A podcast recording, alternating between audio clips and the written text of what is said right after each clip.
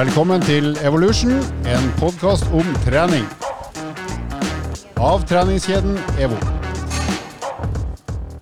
Hepp og hei, hei og hepp. Eh, Velkommen til en ny episode av Evolution. I dag skal vi snakke om eh, trender etter hvert. Men eh, før vi skal til det ganske interessante temaet, for så skal vi introdusere en småsyk, men fast gjest. Andreas Skjetne. Takk for det. takk for det. Hvorfor er du småsjuk? Du, vet du hva? Jeg er litt usikker, men jeg har prøvd å tenke litt på det. Og øh, det jeg ser, da, det er at jeg hadde jo da veldig mange år inne på treningssenter, hvor jeg sikkert har vært i, i nærkontakt med nok basillusker til å ha et godt immunforsvar. Så jeg var nesten ikke sjuk i løpet av ti år. Og så kom jo pandemien, og da fikk jeg jo to år. Jeg hadde jo ikke barn da under pandemien, så jeg fikk jo to år hvor jeg nesten ikke var i kontakt med folk. Så jeg hadde en lang periode uten å være syk, og så har jeg jo da virkelig tatt sats. Og nå har jeg noen hjemme som også går i barnehage. Så jeg tror kanskje det er det. Så samboeren min er eh, hjemme fra jobb for tredje gang på to måneder.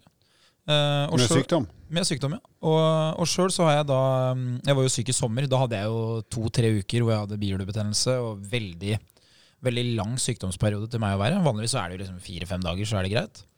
Og så øh, har jeg jo da liksom dratt på med Jeg hadde jo korona her øh, også, og så har jeg nå fått noe andre greier. Men nå har jeg bare hatt forkjølelse. Men jeg, jeg hadde liksom åtte-ni dager da uten trening og hvor jeg var dårlig. Og så tenkte jeg nå har jeg blitt bra. Og så gjennomførte jeg to-tre dager med rolig trening.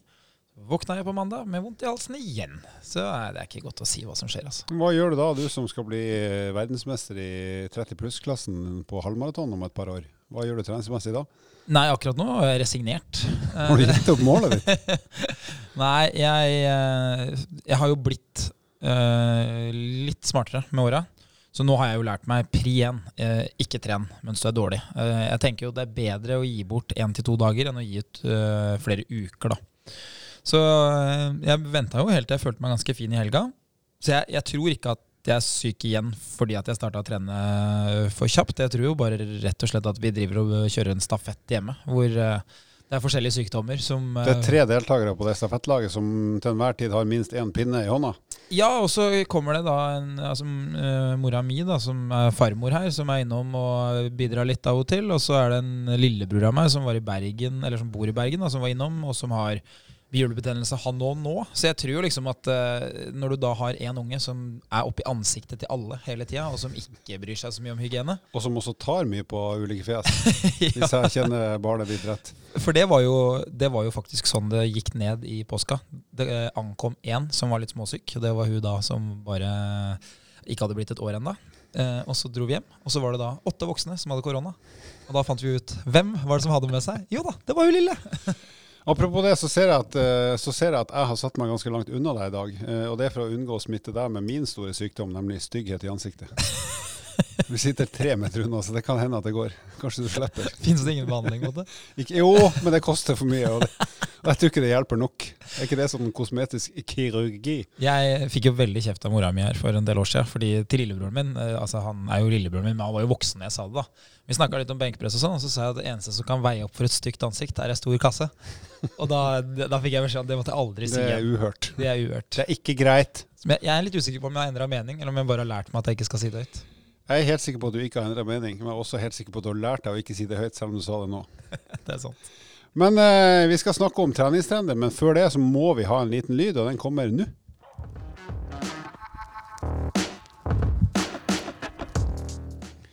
Hvert år så eh, gis det jo ut eh, spådommer om hva som har vært eller skal bli de store treningstrendene. Og for treningsåret 2022, som vi nå snart er ferdig med, så kom det jo en eh, den sedvanlige spådommen fra American College of Sports Medicine, som er liksom den store bransjeaktøren i USA, som får med seg det aller meste som skjer på i hvert fall hva skal jeg si, det vi kan kalle den vestlige verden, hvis det er fortsatt uh, mulig å si. Så vi tenkte vi skulle gå gjennom noen av de tingene som var hot i 2022, altså det året vi straks er ferdig med. Og da begynner vi på den litt spesielle tolvteplassen.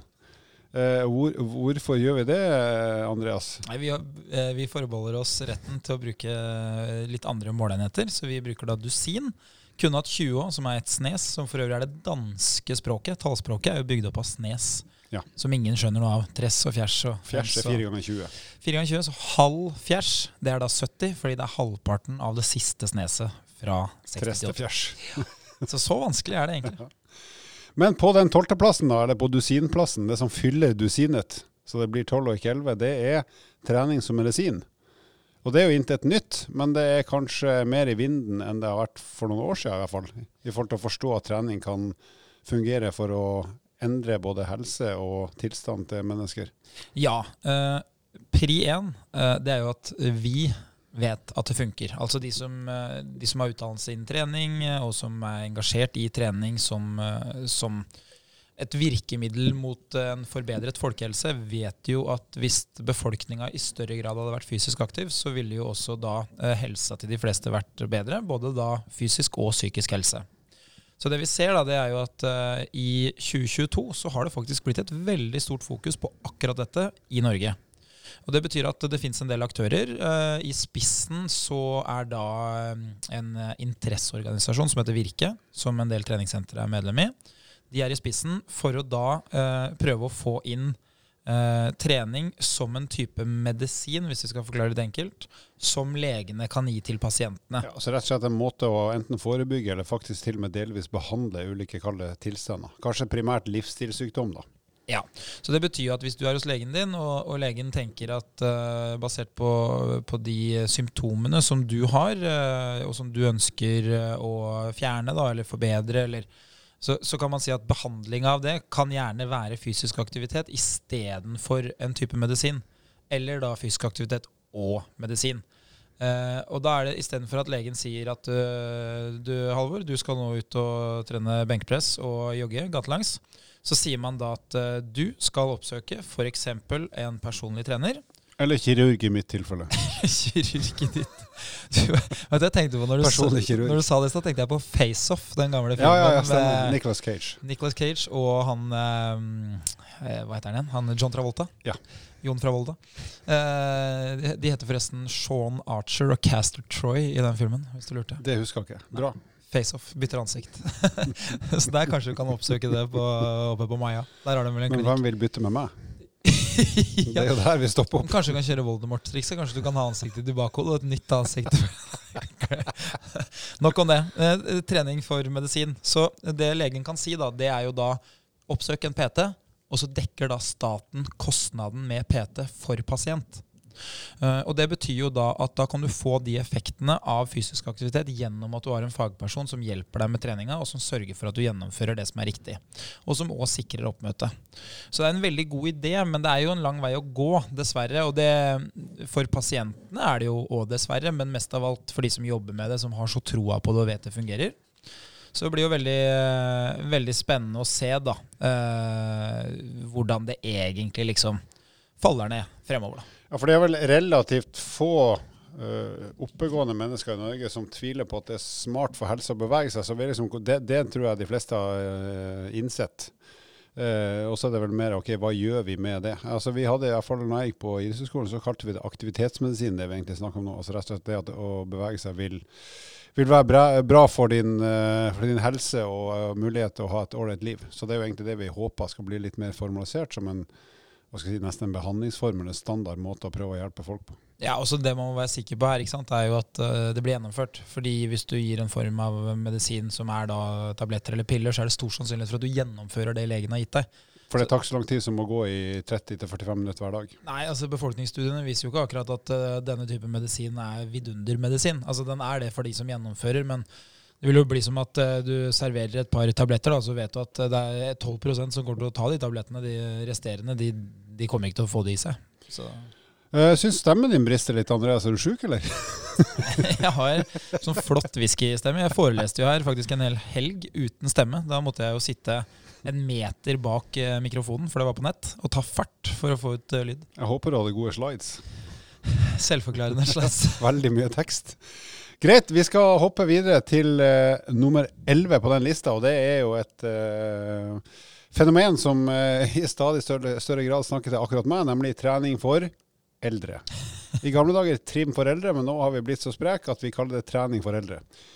Eh, og det er jo heldigvis, får vi jo si, eh, sånn at stadig flere godt voksne, la oss si 50 pluss, sånn at jeg også kommer innenfor den kategorien der, eh, har innsett at eh, det å ha et ålreit liv så lenge som mulig ofte inkluderer å holde seg i ålreit form. Trenger ikke å være i kanonform, men i hvert fall være i en sånn form at du kan gjøre det du har lyst til, også når du blir 50, 60, 70 og kanskje til og med 80.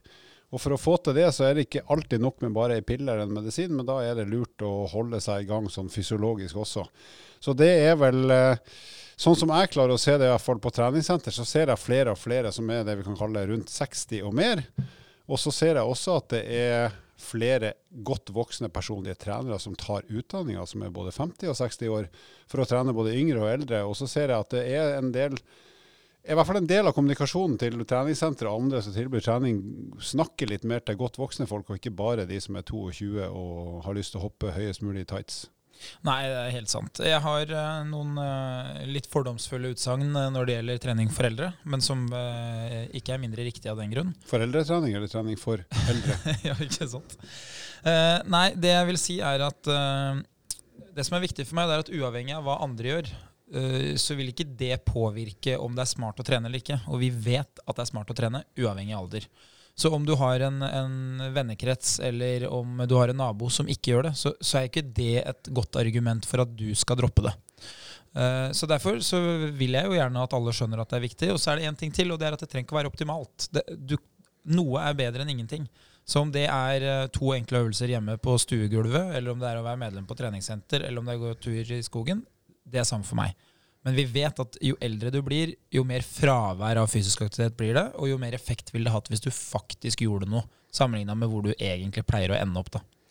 Så det, det, er liksom det viktige her. Og, og, akkurat når det gjelder da trening, så er det jo sånn at veldig mange av de som er eldre, de tenker at eh, bare det å gjøre ting, eh, vanlige ting, f.eks. gå en tur, eh, det vil jo være god nok trening.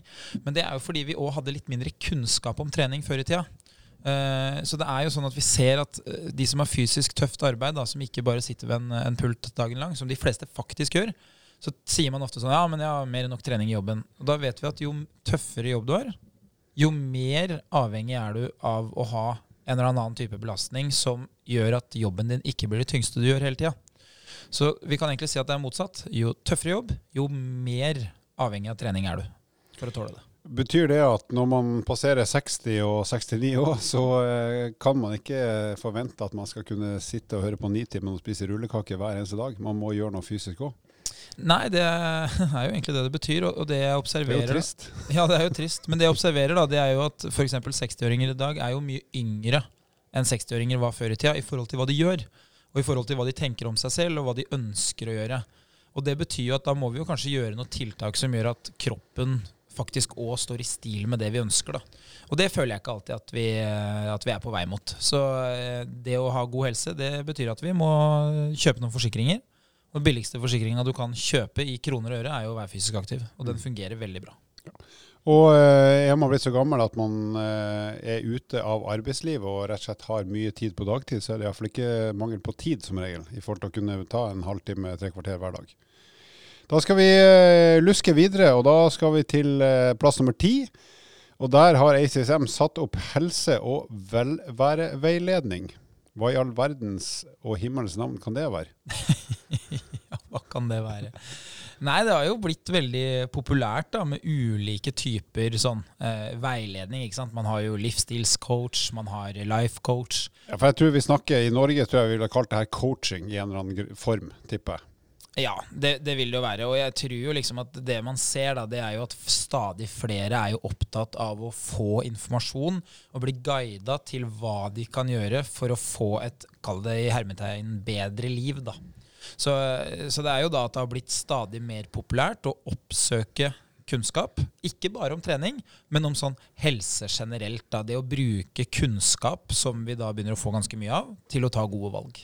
Jeg har uh, møtt på et par stykker her nå i forrige uke faktisk, som får uh, ene har en yogatrener, altså en personlig yogatrener. Og den andre går til en eller annen spesialist, kan ikke navnet, uh, en eller annen form for coach som hjelper til med pust og søvn. Så det er liksom ekspertisen oppsøkes, som du sier. og i kategorier som jeg for når jeg var under 30 ikke fantes. Nemlig det å få hjelp til søvn og pust. Det hadde ikke jeg skjønt noe av for 20-30 år siden. Nei, og Det er nok ganske beskrivende for det punktet her, altså helse- og velværeveiledning. Det er, nok, det er nok egentlig de kategoriene som vi ser at vokser frem, da, at det finnes et marked for det og en etterspørsel. Da. Jeg lurer på om den utdanningen jeg tok i, fra 96 til 98 kan kategoriseres som en velværeterapeut eller velværefysiolog. Hva tror du om det? Jo, kanskje det. Men det jeg lurer mest på, da, det er jo ikke sant, man sier ofte at du må ha 10 000 timer for å bli god. Er jeg ganske god på søvn? Jeg tror jeg sover mye mer enn 10 000 timer. Du er nok ganske god på søvn og løping. Det er det du har brukt mest tid på. ikke sant? Da skal vi eh, til uh, nummer ni, og der har vi en, uh, en trend som uh, har vokst eksplosiv de siste to-tre årene. det er rett og slett online, live og on demand-trening. Altså rett og slett der du er med på trening som skjer live, men digitalt. Eller at du rett og slett booker eller bestiller ei treningsøkt digitalt, uten at du er fysisk til stede på samme sted som den som er trener eller instruktør, hva man skal kalle det. Hvorfor har det her vokst så fælt de siste årene? Nei, nå skal ikke jeg Faren da, for å uttale seg Eller moren. Jo, ja, eller moren er jo at eh, vi jobber jo med de tingene her til daglig. Altså, vi jobber jo med trening. Vi har ikke da eh, noe online-trening som vi tar betalt for. Vi prøver jo å gi kunnskap digitalt til eh, både medlemmer og alle andre som ønsker det. Vi vil jo gjerne at folk skal lykkes med treninga uavhengig av om de er medlem hos EVO eller ikke. Men det som er morsomt, er jo da, som du sier, det har vokst veldig mye. Men så har det også falt på den lista her. Og grunnen til at det vokste veldig mye, var jo ikke digitaliseringa presser jo frem at det er muligheter overalt. Så man får jo en sånn optimisme rundt det å digitalisere. Og så, om du ikke hadde nok fyr på bålet, så blei jo pandemien ble jo eksplosivt. ikke sant? Det, det tok fullstendig av. Iallfall forsøkene på å tilrettelegge for det. Ja, og det var jo ikke så rart, fordi i en periode i Norge så stengte man jo ned treningssentrene. Det gjorde man også i en del andre land. Og da går det jo vanvittig raskt, ikke sant? for da blir plutselig digital arena eneste stedet hvor det er mulig å være til stede. Så det vi så da, det var jo at uh, både små, store og ikke-eksisterende aktører entra jo plutselig banen med ganske god kraft. Uh, en del store selskaper som gjorde det her på, på regelmessig basis, uh, vokste jo. ikke sant? Hvis du bruker Peloton, da, som er sånn Det er vel kroneksempelet på gigavekst og giga, ganske gigafall? Ja, det er, eh, det er faktisk veldig beskrivende. Så det man ser der, da, det er de driver da med online treningstimer og egentrening, og så selger de litt utstyr som du kan bruke, f.eks. sykkel, da, som egentlig er deres greie. Mm. Da, som egentlig er ganske dyre òg, faktisk. Ja, Akkurat den. Så kjøper du en, en spinningsykkel som du har hjemme, og så kjøper du et medlemskap som gir deg tilgang til treningstimer hvor du bruker sykkelen. Og de hadde jo da en sinnssyk vekst ikke sant? inn i 2021. Helt fantastisk. Ikke så rart. De hadde jo folk som hoppa til medlemskap hele tida. Og så øh, virker det jo på meg som at ingen øh, overhodet har hatt noe edruelig tanke om at øh, på det tidspunktet hvor treningssentrene åpner igjen, så vil jo i hvert fall etterspørselen, om ikke falle, så, så, i hvert fall bremse. Men det, det, er jo typisk, ikke sant. Når man observerer noe som går som en rakett, så tenker man jo at den skal jo aldri stoppe. Og så skjer jo det som måtte skje, at etterspørselen stopper. Og så de som da allerede har hoppa på, de hopper av igjen. De har blitt lei av å sykle hjemme? De har blitt lei av å sykle hjemme, ikke sant? Som er, egentlig er hovedgrunnlaget for poenget mitt. er jo at uh, Det er jo ikke det at du ikke kan trene hjemme, for det kan du alltid gjøre. Men hvis du har observert trenden som gjør at folk har ikke trent hjemme før pandemien, hvorfor skal du da fortsette med det etterpå, hvis muligheten alltid har vært der? Så det vi så da, det var jo at Du er kynisk, Andreas, men du har rett. Ja, ja, ja. Jeg, jeg bare observerer de trendene jeg ser, jeg. Så, og, og, det vi så da, var jo at de som hoppa på, hoppa av.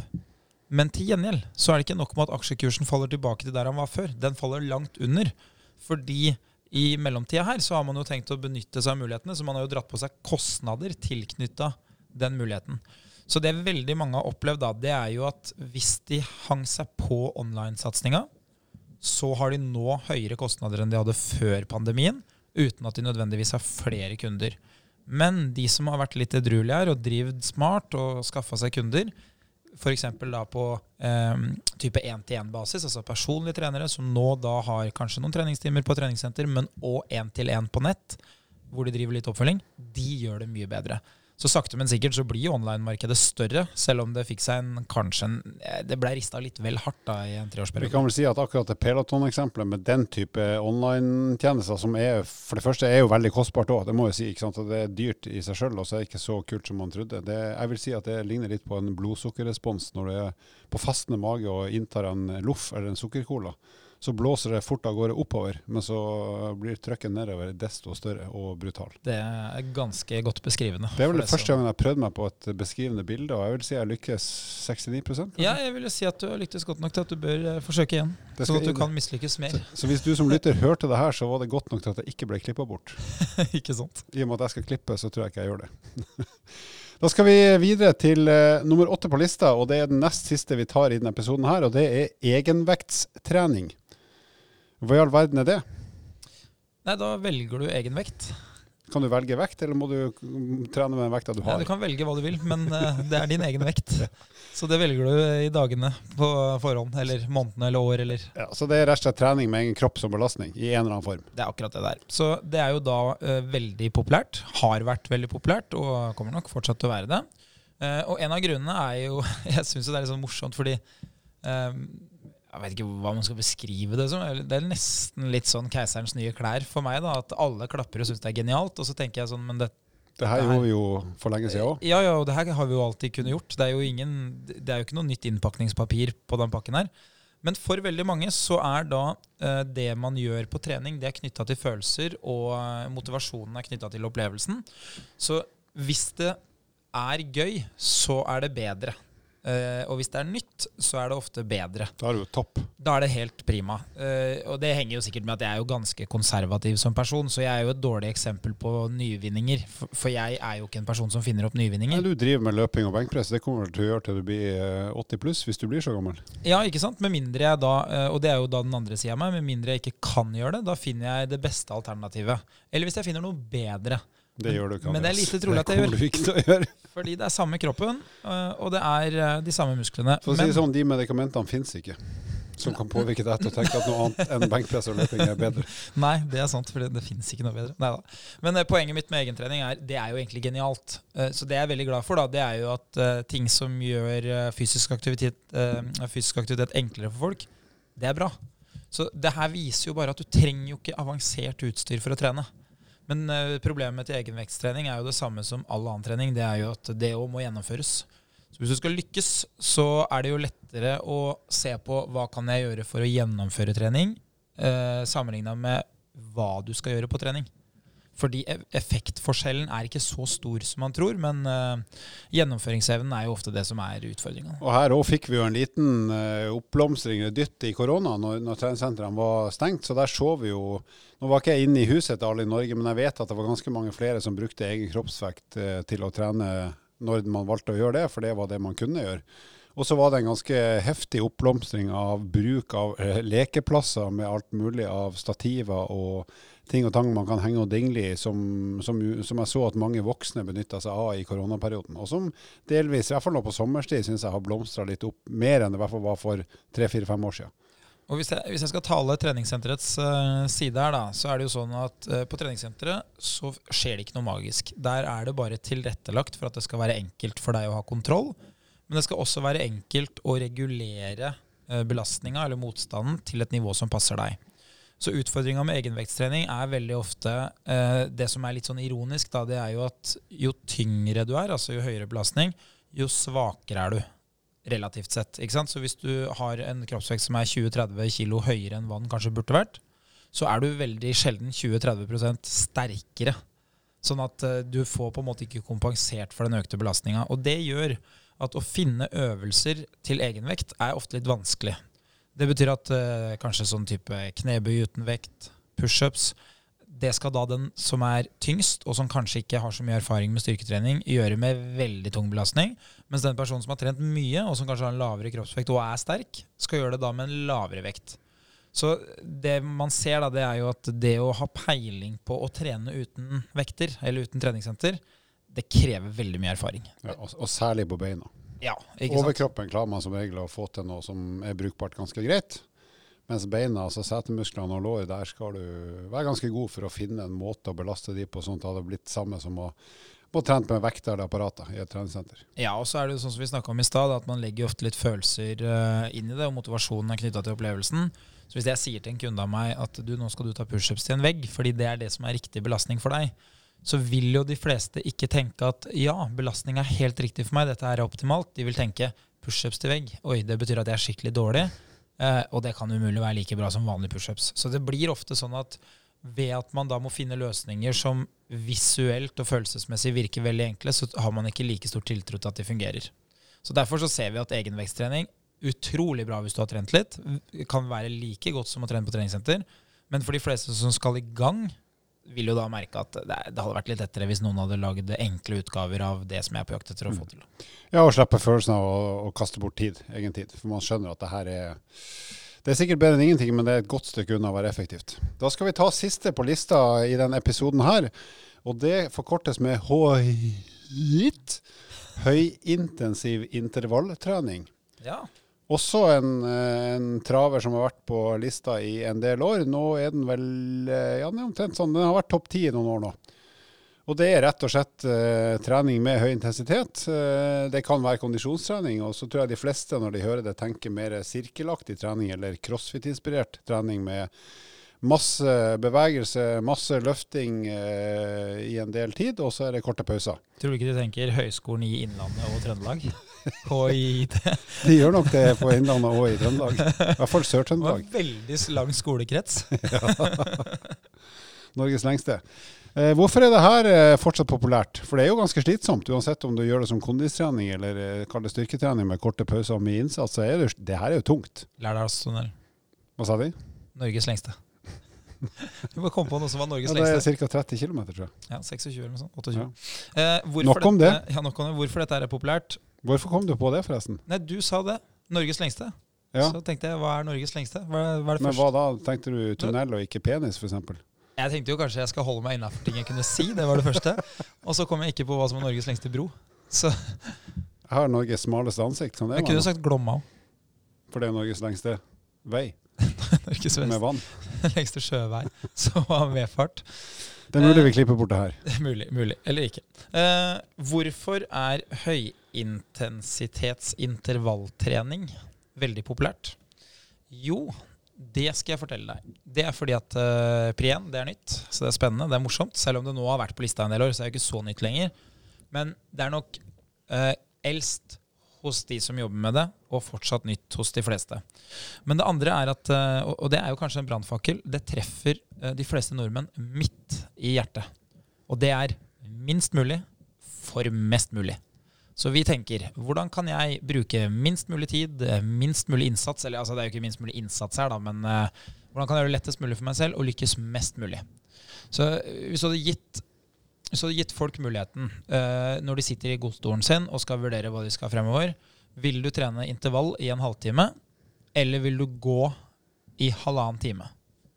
Så kunne vi to ha sagt at det er enormt stor sannsynlighet for at du lykkes hvis du velger halvannen time.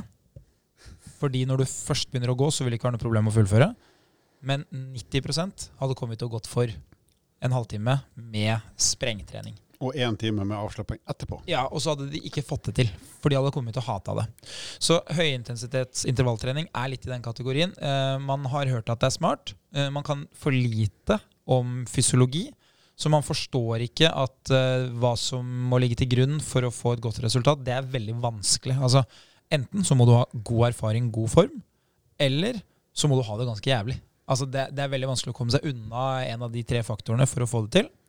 Så eh, det vi ser da, det er jo at i mange tilfeller så velger man den type trening fordi at man har hørt at det er bra, men så ender man kanskje opp med å ha litt lav intensitet, så man får ikke helt den avkastninga som man er på jakt etter. Men med det sagt, da, så er det jo én ting som jeg syns er genialt med denne type trening, og som gjør at jeg syns det bør være et foretrukket valg hos mange. Og det er at det er en metode hvor du kan da både gjennomføre styrke og kondisjon. Så hvis du ikke har veldig god kondisjon, og du ikke er veldig sterk, så vil intensiteten i det å ha eh, korte pauser eh, og ha litt høy belastning gjøre at du får bedre kondisjon. Fordi kroppen går til å skrike etter oksygen, selv om du egentlig driver med styrkerelaterte bevegelser og øvelser. Men styrken, da, hvis den ikke er god heller, så vil også du bli sterkere. Fordi det du gjør, er tyngre enn det du gjør til vanlig.